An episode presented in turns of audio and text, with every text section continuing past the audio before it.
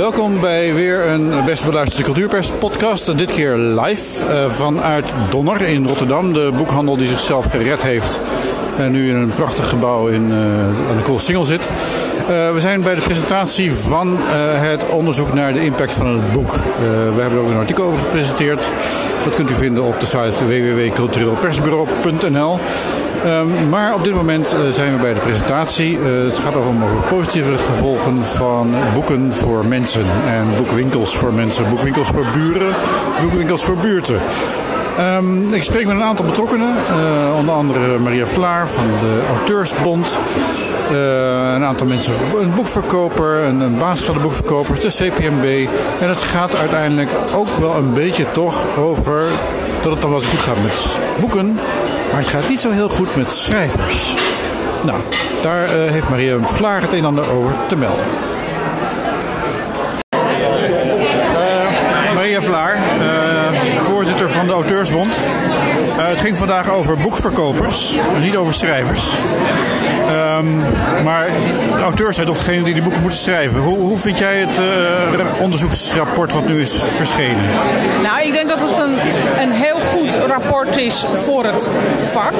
En ik denk dat het heel belangrijk is, ook voor schrijvers, dat het vak gezond is of wordt blijft. Dat is maar hoe je ernaar kijkt. Hè. Ik denk dat er, uh, er is heel veel teruggang geweest in het vak. En nu is het elan een beetje terug. En het is ook heel goed om te laten zien hoeveel geld we er met z'n allen mee verdienen.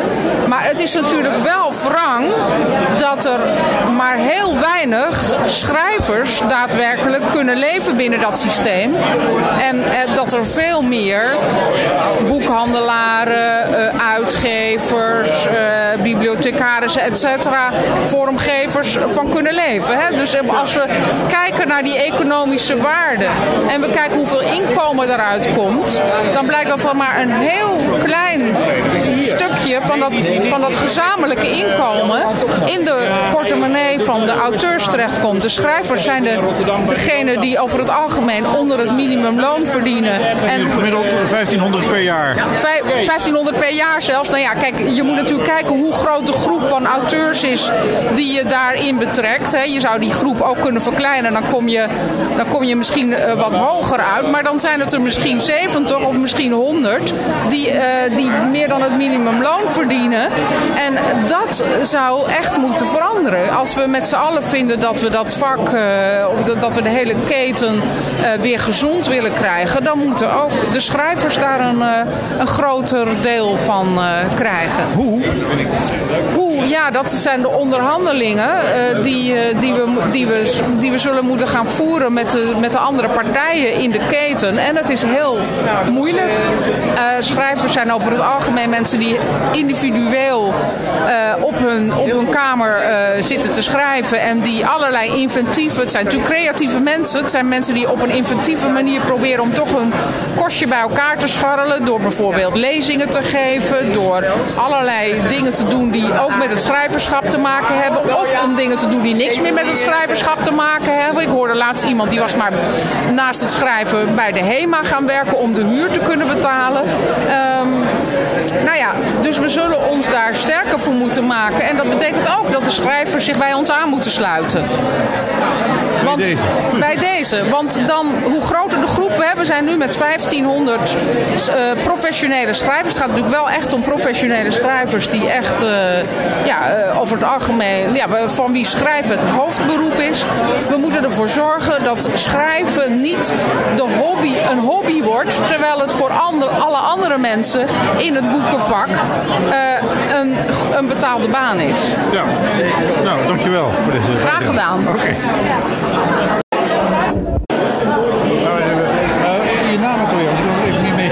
Mijn naam is Anne Schrooien van de Boekverkopersbond. Oké, okay, je bent zelf ook boekverkoper? Nee, ik ben directeur van de brancheorganisaties van boekhandels in okay. Nederland. Ah, dus dat is nou de, de absolute top, zeg maar. Hey, uh, wat... maar, maar, net hoe je het bekijkt. Ja, ja. Uh, als het goed is, dien ik alle boekhandels in Nederland. En ben ik juist, uh, dus sta ik onderop. Ja, ja. Hey, positief onderzoek? Ja, wij zijn heel blij met uh, wat er nu is aangetoond. Uh, we wisten natuurlijk als boekverkopers altijd al dat we een belangrijke bijdrage hebben in het straatbeeld. Uh, ook voor de, voor de lokale bevolking. En dat we boeken op die manier zichtbaar maken. En nu is dat ook aangetoond. dus hier kunnen we mooi mee voort de toekomst in. Ja, um, nou, nou, nou, nou, hadden wij ook verder even wat nader het onderzoek alvast gelezen. Um, en dan is er wel één punt wat dan wel opvalt, is dat de schrijvers, uh, die allemaal die boeken moeten schrijven, het minst verdienen van iedereen. Uh, gemiddeld 1500 per jaar. Ja. Dus op 60 na of 70 na die dan daarboven zitten. Ja. Um, wat kunnen we daaraan doen? Ja, u spreekt nu met iemand die boekverkopers vertegenwoordigt. Dus uh, dan kunt u eigenlijk uh, beter naar een van mijn collega's die meer weten over schrijvers zit. Want het klopt dat er 26.000 mensen werkzaam zijn en het overgrote deel dat zijn schrijvers. En die doen vaak iets naast het schrijven. want er zijn inderdaad maar weinig die echt kunnen leven van een schrijversbestaan. Ja. Dat klopt, ja. ja nou, nou, wel, ik zat nog even te denken, wat zou het nou mogelijk zijn als we daar iets aan zouden willen doen? Um, er zijn heel vaak schrijvers die boeken presenteren of uh, handtekeningen zetten in boekhandels. En vaak is dat gratis. Zou er iets met, met de minister te regelen zijn dat dat niet meer gratis kan? Vind ik best een moeilijke vraag. Want um, uh, vanuit de gedachte dat je schrijvers ook zichtbaar maakt door ze in de boekhandel uit te nodigen. En een boekhandel vervolgens uh, dat uh, laat, bekend laat maken, hè, boeken bestellen, zorgen dat er genoeg mensen op de been komen om kennis te maken met die schrijver. ik denk eerlijk gezegd niet dat het de oplossing is om een soort signeer-fee in het leven te gaan roepen. Ehm, nou heb ik in een eerdere fase van mijn carrière ook voor uitgeverij gewerkt. En er was een tijd dat het heel gewoon was dat uh, Salman Rushdie of Arno Grunberg in de boekhandel signeerden en dan stonden er mensen rijdik. Um, dat is ook een tijd veel minder gewoon geweest. Um, ik denk eigenlijk dat we uh, veel meer het zouden moeten zoeken in schrijvers zorgen dat ze mooie dingen bedenken en schrijven. En dat die boekhandels worden gestimuleerd om zoveel mogelijk mensen op de been te krijgen. En dat kan ook met signeersessies, maar ook met lezingen, met interviews, met tips verspreiden, met boekhandel, met schrijvers suggesties laten doen en uh, aanbevelingen voor, voor klanten in de winkel. Er zijn zoveel manieren om dat aan de gang te krijgen en te houden. Um, hier is eigenlijk maar één onderdeel daarvan. Nou ja. ja. De lezingen zouden dus ook dan, maar die zijn dan wel betaald waarschijnlijk. Nee, probeer even te zoeken naar oplossingen. Ja, nou ja, het, het, een, een, kleine boekhandel in een, in een kleine gemeente die een schrijver uitnodigt, betaalt daar al snel een paar honderd euro voor. Nou ja. Dus als, als boekhandel uh, die opbrengst krijgen uit wat je dan aan boeken verkoopt, dat weegt eigenlijk niet tegen elkaar op. Terwijl die schrijver natuurlijk ook recht heeft op een inkomen en die besteedt daar reistijd aan en uren om in die winkel te zijn. En tegelijk zijn ze tot elkaar veroordeeld. Want als die boekhandel niet bestaat, dan kan die schrijver ook niet zijn boeken verkopen. Nee, nee, dat is dus zullen het echt met elkaar moeten doen. Ja. ja. Nou, dankjewel. Um, je bent van de schrijverscentrale. Ja, ik, Ben, uh, ik ben Anne Centrale. Ja, um, ben je blij met het uh, onderzoek? Ik ben blij met wat ik heb gehoord. In ieder geval wat er in het onderzoek staat, wat er uit is gekomen. En uh, ik, ja, ik vond het interessant ook wat de minister erover zei. Het is duidelijk dat zij een liefhebber is van boeken en ook haar best gaat doen om het boek en ook het lezen te bevorderen. Een van de dingen die nog niet zijn genoemd en waarvan ik hoop dat er ook meer geld voor komt, is de schrijverscentrale. Want er is net een onderzoek uit waar het blijkt dat als schrijvers in de klas komen, het leesplezier wordt bevorderd. Dus dat zou eigenlijk een hele mooie, simpele manier zijn om eh, te zorgen dat uh, steeds meer uh, jongeren en kinderen van lezen gaan houden. Ja, want wij, hadden snel even de gemiddelde uitgerekend. we schreven hier alleen totalen van, van inkomens. En dan zit een eh, boekverkoper op 30.000 eh, geloof ik en een uitgever op 39.000 en een schrijver op 1500 per jaar. Dan moet het aan gebeuren, toch? Ja, ik, eh, ja wat, ik, weet, ik, vind dat, ik vind dat ook een lastig verhaal. Wij, gaan natuurlijk, wij, wij zijn geen belangenvereniging en wij reageren op de vraag van de markt. Wat wij kunnen doen van onze kant is ervoor zorgen dat er zoveel mogelijk verschillende schrijvers op pad gaan. Uh, de vraag is meestal naar de bekende 70, 80 auteurs. En wij zorgen ervoor dat er jaarlijks 750 verschillende auteurs op pad gaan. Okay. Uh, een ander is dat we 2 miljoen naar de markt halen. En die kleine 2 miljoen wordt verdeeld onder de schrijvers. Dus in die zin is het een belangrijke aanvulling op hun inkomen. Maar nogmaals, niet alle schrijvers. En sommige schrijvers doen vaker, gaan vaker op pad dan weer anderen. Zo, eh, de vraag van de markt is nog steeds, wij, hebben, wij kunnen die deels beïnvloeden, maar natuurlijk niet helemaal. Maar het is wel belangrijk dat we daar eh, ja, toch een goede rol in hebben en een inkomen kunnen aanvullen van auteurs op deze manier. Hoeveel groei zit er nog in, denk je? Hoeveel groei er nog Bij in jullie? zit? De- hoeveel, hoeveel cijfers zou je kwijt kunnen? We hebben op dit moment eh, meer dan 4500 schrijvers.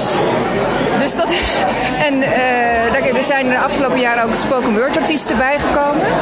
En er is gemiddeld komen er jaarlijks zo'n 200 nieuwe schrijvers bij. Oké.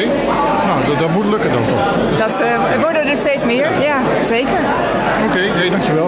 Oké, graag gedaan. verstandig antwoord kan geven. Nou, dat hoop ik ook. Eh, je bent Theo Bijvoet, begrijp Ja, ik, van ja, het ministerie ja. van OCMW. Ja, ik ben beleidsmedewerker die zich eh, met het eh, boekenvak en eh, literaire zaken bezig houden. Oké, nou, Ja. dan, dan, moet je heel blij zijn met vandaag. Ja, dat ben ik ook. Ja. Ik ben heel blij met het rapport. Want ik vind het mooi dat er nu zo'n totaalbeeld is gegeven over nou, wat lezen betekent en wat het boek betekent. Voor, voor mensen persoonlijk, maar ook maatschappelijk. Wat de boekhandel betekent en eh, en wat het ook qua geld betekent natuurlijk allemaal. Ja. Gewoon het geld, de economie. Dus het totaalbeeld vind ik heel erg mooi. Dat heeft een toegevoegde waarde. Ja, want dat was nog nooit bij elkaar gebracht op deze manier. Dus dat vond ik heel verstandig van KVB Boekwerk. En ik ben ook blij dat eh, de minister eh, hier naartoe weer heeft willen komen in de Boekenweek. Om dit in ontvangst te nemen. Ja. Want eh, zij heeft er wel iets mee, maar eh, ze moeten natuurlijk toch wel tijd voor vrij willen maken in haar agenda. En dat heeft ze gedaan. Ja. Hey, nou, nou eh, zijn er heel veel mooie cijfers, maar ik, ik ben ook een beetje aan het rond te kijken in de cijfers die wat minder positief zijn. Dat, daar ben ik- daar ben ik journalist voor. Ja, Ehm, en dan blijkt dus dat boekverkoper verdient zo rond de 30.000 euro per jaar. Een uitgever 39.000 euro per jaar, of 42 zelfs ook. Een schrijver gemiddeld 1500. Ja, nee, dat laat het rapport natuurlijk ook zien. Er zijn behoorlijke verschillen tussen de verschillende partijen in het, eh, in het geheel, in de keten van het vak. Eh, dat viel mij ook op. En ja, wat je ziet is dat natuurlijk, er zijn heel veel schrijvers eh, die gewoon zo nu en dan schrijven en een boek maken. Dus dat verklaart wellicht ook waarom er zo beperkt wordt verdiend door hen. Want voor heel veel schrijvers, auteurs is het niet een hoofdactiviteit, maar doen ze er nog heel veel naast. Ze zijn schrijver, maar ze zijn ook eh schrijver voor een krant. Ja, ze hebben wel. een baan. Ja. Ja. je moet wel. Nee, maar zo gaat het dus.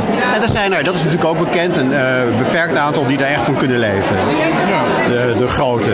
Jan, eh, noem ze maar op. Tommy 100 Wieringa. 100 110. Ja, Jan Siebeling, nou dat soort. Ja, dat zijn, is beperkt. Maar dat komt, wij leven in een beperkt, in een klein land. Ja. Dus ja, en, en het moet wel afgenomen kunnen worden ook.